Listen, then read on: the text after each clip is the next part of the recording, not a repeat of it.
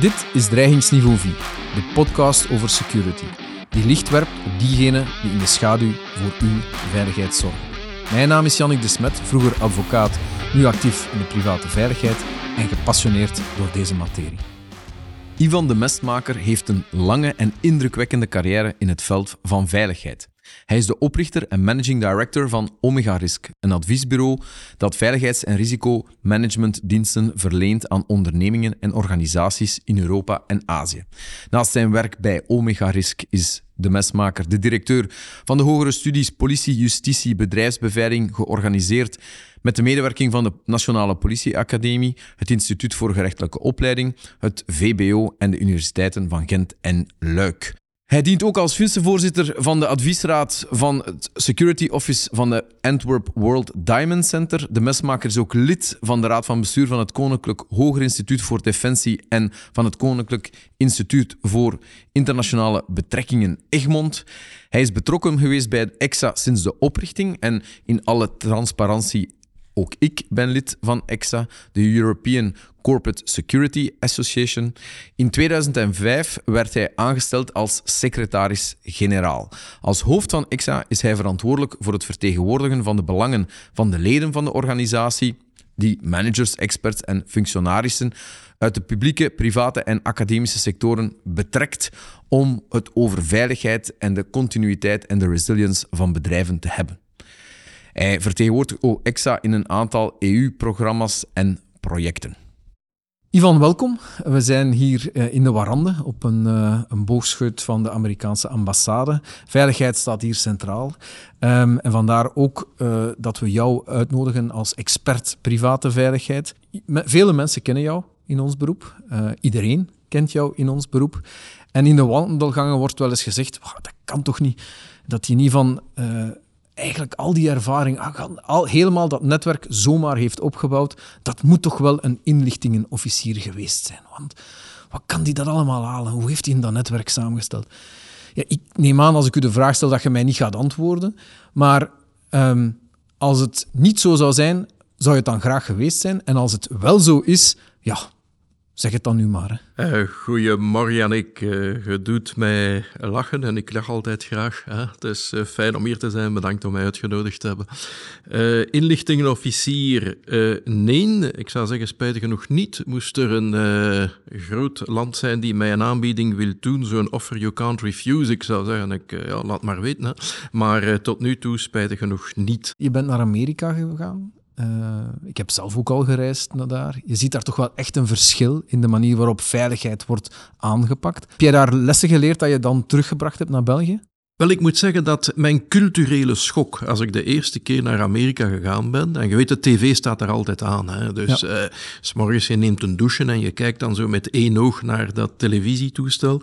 En wat mij daar ongelooflijk was, enfin, wat mij daar ongelooflijk heeft gefrappeerd, dat zijn die uh, advocatenkantoren die je zeggen, moest je ooit maar denken dat je iemand burgerlijk kunt vervolgen hè, en geld kunt loskrijgen, bel ons onmiddellijk, hè, je moet niks betalen en wij gaan erachter. En ik moet zeggen, in die periode, dus en even nadenken hoor, maar dat waren de jaren uh, goh, 293 denk ik, hè, als ik, als ik daar was, dat kwam zeer schokkend over. Hè. Uh, qua security uh, ja, je zit natuurlijk met een totaal andere mentaliteit. Een veel uh, sterkere aanpak van security. Maar ook mensen die enorm veel schrik hebben. Door het feit dat er zoveel wapens in, in omloop zijn uh, in de Verenigde Staten. En ik herinner mij nog, want ik was op stap gegaan ook met mensen van de politiediensten daar, hè, die ride-along enzovoort, dat, dat kon je doen. En we kwamen daar in zeer arme buurten. En wat je zag, dat was dat mensen quasi niks hadden. Dus die appartementen, als je dat zo mag noemen, hè, of, of waar dat ze logeerden, daar lag een matras, een televisietoestel en een handvuurwapen. Mhm. Dat waren de dingen, de, de, absolute noodzakelijkheid. En je ziet dat ook op de manier dat uh, politiediensten tussen beiden komen. Dat zij, ik vermoed dat ze graag s'avonds terug naar huis zouden gaan. Dus dat zij een enorme schrik hebben. Mhm. En dat genereert natuurlijk ook wat we gezien hebben, hè, van, van, van het snel gebruik maken van een, van een vuurwapen enzovoort, omdat die schrik, en ik denk ook terecht, uh, zeer sterk in zit. Mhm. En dat zie je toch in de Verenigde Staten. Ik herinner mij, uh, maar dat was jaren nadien, uh, toen ik een, een universiteitscampus bezocht. En de bewaking daar, dat zijn deputized sheriffs. Dus mm zij hebben inderdaad politionele bevoegdheid. Hè. En uh, de man waarmee uh, ik toen rondreed ook en daar de dingen bekeek, uh, die had een 4x4 wagen. En hij had natuurlijk een handvuurwapen, dat hij altijd meedroeg. En in de wagen had hij, en dat was vrij indrukwekkend, ik herinner mij, dat was een assault rifle dat daarin uh, in zat. Daar zat een snipergun in, in punt 308. Daar zat een riot gun in en daar zat een 40 mm grenade launcher in. Een arsenaal. een arsenaal. Als je dat ziet, dat is vrij indrukwekkend. En uw eerste vraag is van, heb je dat allemaal wel nodig? Hè? En ik heb daar nadien over nagedacht en inderdaad, in 99% van de gevallen heb je dat niet nodig. Maar het punt is, als je dat niet bij hebt, is het ook geen optie. Mhm. En zoals men uh, in de Verenigde Staten, en spijt genoeg ook hier al gezien heeft, uh, active shooters of active killers, uh, zou het beter genoemd worden, ja, je moet die wel kunnen stoppen. Ja. En als je dan niet over het nodige materiaal tussen aanhalingstekens beschikt, ja, dan heb je de optie niet. Mhm. dus, dus die discussie die er dikwijls is, Ehm, in, in dat opzicht zie ik wel graag de Amerikaanse aanpak, die dus inderdaad, als het nodig is, kan beschikken over uh, dat arsenaal. Maar dat we toch moeten zien dat we die vriendelijke aanpak die we hier in, in, in onze landen kennen, hè, want in 99% van de gevallen is dat niet nodig. Mm dus dat we die twee, de combinatie van die twee, denk ik dat dat een, uh, een, een goede en efficiënte aanpak zou zijn. We kennen elkaar uit de European Corporate Security Association. Ik uh, zie jou daar uh, nu en dan op bijeenkomsten, lunches, Egmond Paleis. Wat mij steeds opvalt is jou, en je zegt, je, je doet het zelfs nu ook al een stukje, speaking truth to power. Je bent de man die zegt, zo gaat het eraan toe, dit moeten jullie voor ogen houden. Je zegt het nu zelf, 99% van de gevallen is geen wapen vereist, maar als je het niet hebt, dan bestaat de optie niet. Hè. En ja, dat boeit mij eigenlijk wel. Ik vind dat er zijn onvoldoende mensen zoals jij, en zeker in de security business. Je bent ook vaak heel consequent in jouw redenering. Misschien als ingenieur is dat uh, eigen aan jouw vorming. Maar van waar komt die, die nood om te zeggen: jongens, we moeten de dingen zeggen zoals ze zijn? Ja, ik denk, uh, Jannik, en, we kennen elkaar inderdaad al zeer lang, uh, dat die uitdagingen wel zeer ernstig zijn. Hè? Van georganiseerde criminaliteit, uh, van, van, van terrorisme en dergelijke. Dus we zitten daar met zeer ernstige uitdagingen. Dat wil zeggen dat je niet de luxe hebt om, ja, om even wat te doen, zacht uh, aan te pakken enzovoort. Nee, je moet op een bepaald ogenblik toch gaan kijken. Kijk, daar gaat het om. Hè? Hoe kunnen we dat aanpakken? En proberen van dat aan te pakken op een uh, duidelijke en professionele manier. Natuurlijk, het is ook zo, je moet een beetje op je, op je narratief letten. Hm? Voor een groot publiek ga je misschien een iets omvloerstere manier hebben om de zaken te brengen dan voor een professioneel publiek. Nu, ik heb de gewoonte van in het grootste aantal gevallen voor een professioneel publiek te spreken. En ik vind dat je voor een professioneel publiek heel duidelijk mag zijn in, in wat de uitdagingen zijn en wat je daar tegenover kan stellen. En voel je dan dat daar ook naar geluisterd wordt? Allee, jij, jij hebt toch wel wat binnen de sector, maar ook buiten de sector, politie, defensie. Eh, je bent toch uh, een, een, referentie voor vele mensen. Voel je dat, dat er dingen veranderen? Heb jij de indruk dat het beter dat men luistert naar jouw adviezen? Ik zou zeggen, in de one-to-one gesprekken die je hebt met de verschillende niveaus tot het topniveau, zitten we altijd op dezelfde golflengte. Mm maar goed, als je het dan in de praktijk wil brengen, moet je wat zien wat ook politiek haalbaar is. Uh, dus de one-to-one gesprekken, denk ik dat we volledig op dezelfde golflengte zitten. Om het in de praktijk te brengen, en ik begrijp dat ook, uh, moet men wat ja, omvloester, voorzichtiger uh, te werk gaan. Maar je ziet dat zowel op beleidsniveau, en ik bedoel dan op politiek niveau, ook op niveau van onze uh, verantwoordelijken van politiediensten, van inlichtingendiensten en dergelijke, maar ook in de, in, in de private sector. Hè. Uh, ik herinner mij, uh, en dat, dat kom, kom je dikwijls tegen, hè, dat een CEO die ontvangt je dan en uh, dan zijn er zo van die kreten, die zegt dan, I want best practice. Best practice in security. Nou, oké, goed. En uh, je bekijkt die zaak, je zegt, waartegen gaan we ons verdedigen? Wat zijn de attackscenario's die je in gedachten hebt? Wat moet je daartegen doen? Enzovoort. En dan kom je terug bij die uh, CEO. Ten eerste ziet hij de prijs en de kosten ervan, want ja, dat is niet iets dat je zomaar oplost. Maar dat gaat nog meestal. Maar omdat het een materie is die de meeste CEO's niet beheren, dan is de volgende vraag: wat doen de anderen? Hm? En je gaat onmiddellijk vervallen van een best practice naar common practice. En het is onvoorstelbaar als je praat, zelfs met, met CEO's en anderen, hè, en de vraag komt dan, ja, zijn we goed beveiligd? Ja, omdat je goed beveiligd bent, ik heb daar absoluut geen idee van. Vertel mij eerst, waartegen je u wilt beveiligen. Dus wat zijn de attackscenario's die je inderdaad voor ogen hebt? En dan kunnen we zien of dat alle geïmplementeerde maatregelen, dat er daar een gap in zit en uh, hoe het zit. En dan kunnen we daarover spreken. Maar het is onvoorstelbaar hoeveel CEO's op het vlak van security absoluut geen, geen zicht daarop hebben. Dus als je vraagt wat zijn nu de, de top vijf bezorgdheden die je hebt, ja, één gaat naar voren bekomen, dat is cyber. Hè. Gaan ze zeggen cyber. Wat een fout is op zich. Cyber is een aanvalsvector, maar is uh, geen uh, doelstelling op zich. Hè. Criminelen uh, die kunnen fysiek je geld gaan stelen, die kunnen op andere manieren je geld gaan stelen, maar die kunnen ook misschien via een cyberweg je geld stelen. Maar dat is een, een, een aanvalsvector, een middel. Hè. En men verwart die zaken zeer, zeer dikwijls om het nu even over de bedreigingen te hebben. Je sprak daar net over terrorisme. Um, als we in onze geschiedenis even teruggaan. 22 eh, maart 2016, de aanvallen in Brussel, um, Zaventem en ook uh, Maalbeek. Um, waar was jij op dat moment? Ik was exact op de ring rond Brussel, ter hoogte van de luchthaven. En ik was op weg, want wij gingen om acht uur een vergadering starten van OSAC, dus het Overseas Security Advisory Council. Uh, het was onduidelijk. Hè? Uh, en, en je zag trouwens ook op een, een zekere animo al in de buurt.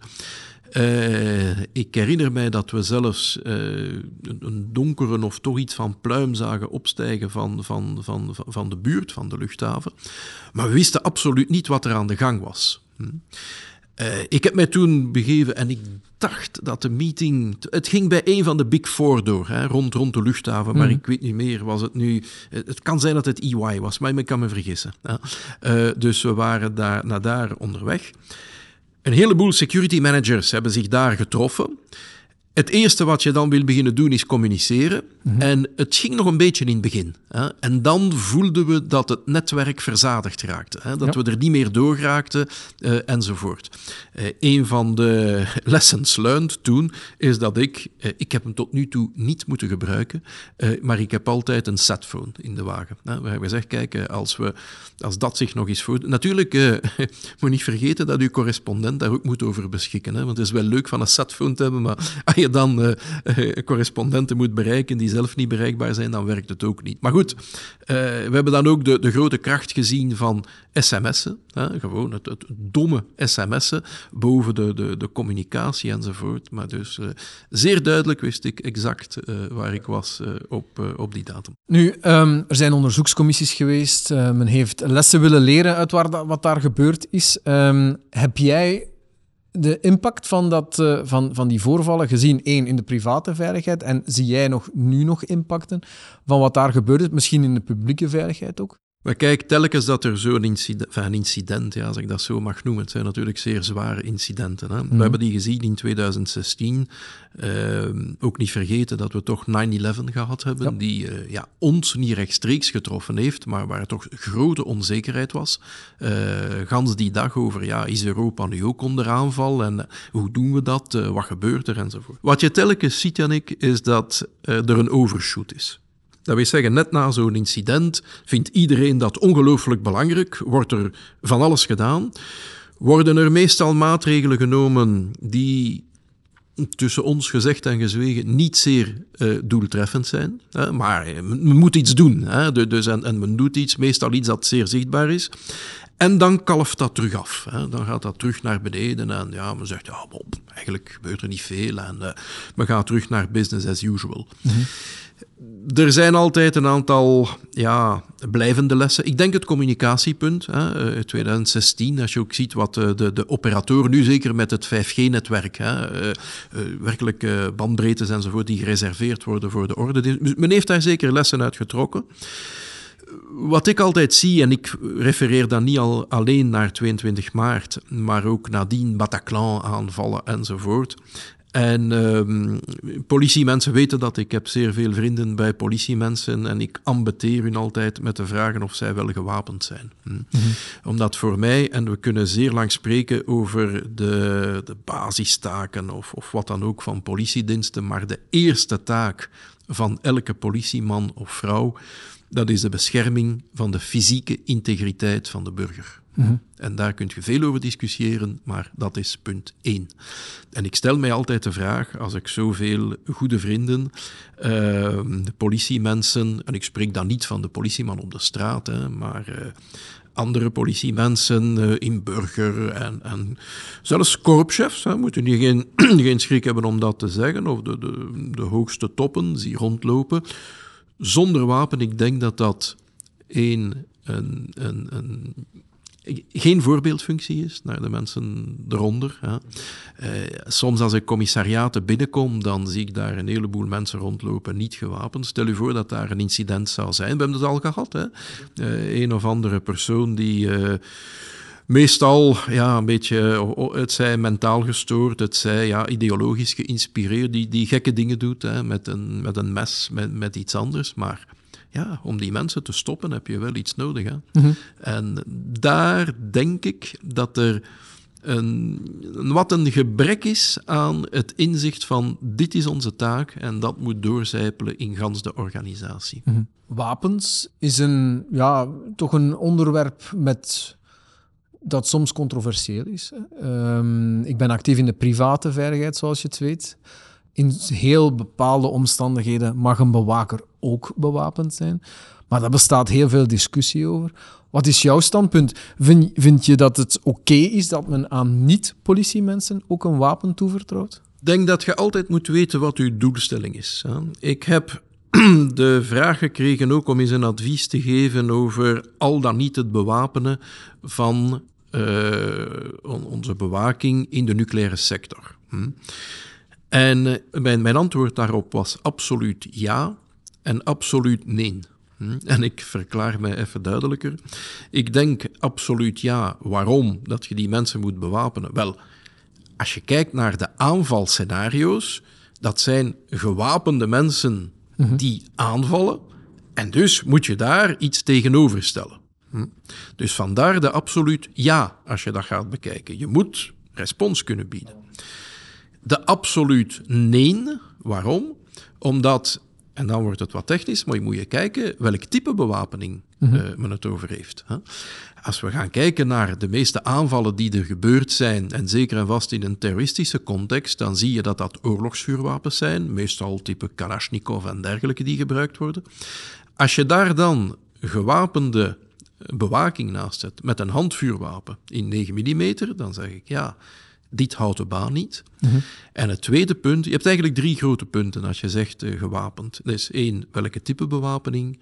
Twee, de oefeningen die je daarmee doet en zo realistisch mogelijk Ja. oefenen. En daar schieten we denk ik zeer dikwijls tekort. En drie, nog een punt dat men heel dikwijls vergeet, is de mindset. Ja.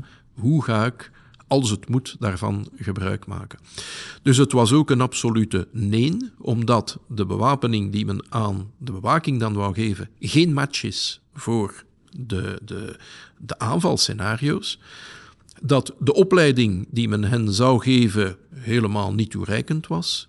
En dat de mindset die men daarbij heeft ontbreekt. Oké. Dus er is ook een nieuwe tendens, meer en meer. En het was onlangs ook in de pers, vanuit het ministerie van Financiën bijvoorbeeld, spreekt men over, ook over niet-letale wapens. Hè. En, uh, laat ons toch niet vergeten dat wij in België een, grote, een grote wapenproducent hebben. Wat is jouw standpunt daaromtrent? Hè? daar is wat controverse over. Zie wat er gebeurd is met de uh, betogingen uh, rond de Gilets jaunes. Vele betogers zijn daar eigenlijk, ondanks dat de wapens niet letaal zijn, vrij ernstig gewond geraakt. Er, er is nieuwe technologie die daar kan aan verhelpen, maar zijn niet-letale wapens ook geen oplossing? Wel, het eerste, maar je weet dat zo goed als ik, Jannik, het, het gaat niet over niet-letale, maar over less lethal ja. wapens. Hè? Dat is een, een, een belangrijk onderscheid dat men daar moet maken. Nu, let op, Kijk, als men gaat spreken over bepaalde aanvalscenario's, dan moet men, dat het nu politie is of bewaking of wat dan ook, hè, de middelen geven om te reageren. Nu, nooit vergeten dat in België het niet private bewaking is die gaat reageren. De rol van private bewaking, zoals wij ze gedefinieerd hebben, dat is van mensen het onthaal te doen, eventueel controle te doen. Uh, ja, over wie gaat het? Wordt die persoon hier wel uh, verwacht enzovoort? Mogelijk ook een controle uh, op wat, wat, heeft, wat, heeft die persoon bij? Mm -hmm. Heeft hij geen items bij die we, die we niet binnen willen? en dan te begeleiden daarin.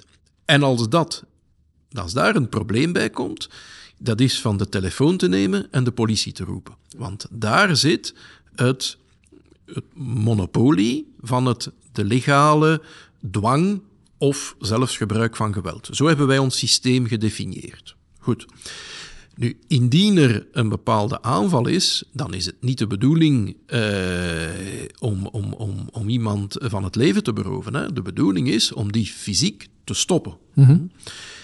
En je ziet en inderdaad, hoe kan je iemand fysiek stoppen? Ja, met een vuurwapen, uiteraard. Dat is iets wat we historisch altijd gedaan hebben, met een vuurwapen stoppen.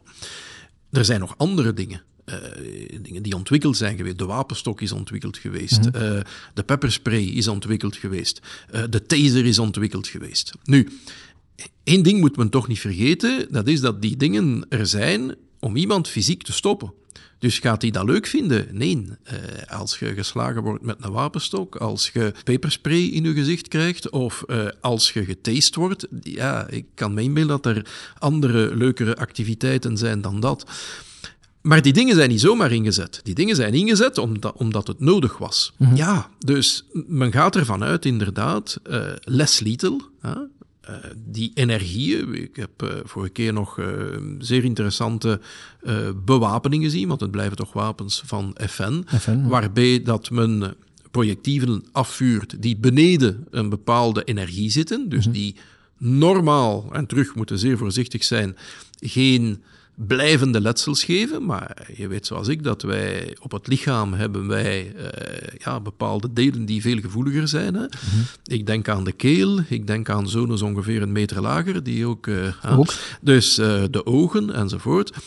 Ik heb ook gezien bijvoorbeeld dat de FN daar zeer interessante dingen had op ontwikkeld. camera's, waarbij dat men zei, kijk, in het aangezicht en, en de nek kun je niet vuren. Dus dat er werkelijk rode en groene zones waren, waarbij die niet toelieten van het wapen af te vuren. Dus ja, dat, dat, dat zijn allemaal interessante ontwikkelingen. En ik denk dat men juist gaat in de richting om aanvallers te, te stoppen, te neutraliseren, maar zonder ja, dodelijke uh, wapens te moeten gebruiken. Mm -hmm. Dus ik denk dat je daar alleen maar voor kunt zijn. Hè. Als je dat kunt doen, ja, zoveel te beter. Ja. Zoveel te beter. We sluiten onze podcast steeds af met, de drie, zelf, met drie dezelfde vragen. Um, en mijn eerste vraag aan jou is: welke mens, groep, vereniging of onderneming zou jij het meest willen beveiligen of beschermen? Dat zijn de mensen die zichzelf willen beveiligen. Als ik één ding geleerd heb, Janik, en mijn, ik werk vooral voor ondernemingen, dat is dat de CEO van een onderneming een cruciale rol speelt. Ofwel begrijpt hij waarom het gaat en is die betrokken bij die beveiligingsproblematiek. En dan kan je fantastische dingen doen. En ik heb zo mensen ontmoet, zoals uh, ja, John Goossens uh, bij, bij Belgacom toen, uh, Lenny Schrank bij Swift. Dat waren, en zijn er nog hoor, maar ja, dat waren allemaal mensen waarvan dat je, eens dat je hun vertrouwen had, de volledige steun had en die meedachten en die security-minded waren. Indien je dat niet hebt, dan kun je als security afdeling binnen een onderneming, ja, je kunt dingen opzetten, maar je gaat nooit of nooit dezelfde efficiëntie hebben. Dus om op uw vraag te antwoorden, uh, in het Frans zeggen ze et de toi et Dieu t'aidera. Dus, uh, en in, dit geval is het dan, ja, help uzelf en uh, ja, dan kan de security dienst u helpen. En het omgekeerde? Wie zou je zeker nooit willen beveiligen? Zeker nooit. Ik denk, eh, weet je, security dat is een beetje een roeping. Hè? Dus eh, er zijn geen, zoals een dokter, hè? die gaat ook nooit niemand niet willen uh, helpen. Hè? Mm -hmm. Maar het is verdomd moeilijk als de mensen niet geholpen willen worden. Ik, ik zie het heel veel, uh, Jannik, met mensen die naar het buitenland vertrekken. Mm -hmm. uh, zij gaan dan naar bepaalde zones. Ja, ik spreek daar niet van Luxemburg, hè, maar ik spreek van het echte buitenland, hè, waar er andere risico's zijn. Ehm, je stelt aan die mensen bepaalde vragen, je geeft die een aantal dingen mee. En vroeger probeerde ik altijd te overtuigen van het probleem. En ik moet eerlijk zeggen dat ik nu veranderd ben van tactiek, waarbij ik kunt ben, kijk, je vertrekt naar Ginder, daar zijn bepaalde risico's. Als je wilt dat we je helpen, geen probleem, zeer welkom. Denkt jij dat je dat alleen aan kunt? Ook dan, uh, en als er dan iets gebeurt, dan zullen u ook trachten te helpen. Ja. Maar alleen het zal veel langer duren en het zal veel minder efficiënt zijn. Mm -hmm. En als je dat doet, dan schuif je voor een stuk de verantwoordelijkheid naar hen toe en dan vind je ook veel meer respons. Tractie. Ja, absoluut. En finaal, um, is er nog een tip? Je hebt het nu wel al eigenlijk gezegd, maar is er nog een tip? Is er iets waar je zegt, dit heb ik onlangs gezien of dit is toch wel een concept dat mij bijblijft en die ik aan iedereen zou willen aanraden om zichzelf te beveiligen? Nee, om zichzelf te beveiligen niet. Zoals ik zei, ik zit niet in die particuliere sector. Nee, nee. Natuurlijk, er zijn CEO's enzovoort. In, in, in een bedrijfsleven heb je eh, persoonlijke beveiliging, dat het nu thuis is enzovoort. Maar ik zou zeggen dat de grootste uitdaging, en daar heb ik al zeer lang aan gewerkt, dat is de publiek-private samenwerking.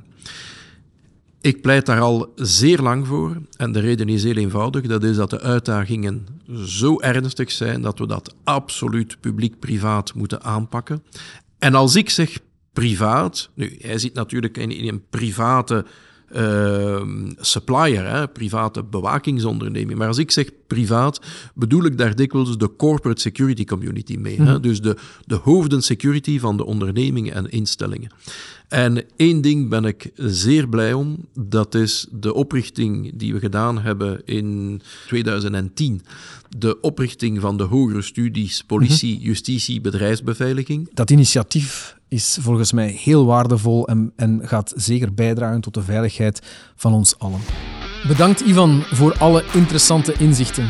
Ik onthoud vooral dat jij geen inlichtingenofficier bent, dat je veel geleerd hebt over wapens in de VS dat ervaring eigenlijk de verzameling is van je stommiteiten, dat beveiliging een roeping is, dat bedrijven aandacht moeten hebben voor best practice en niet common practice en dat communicatie in beveiliging essentieel is. Bedankt.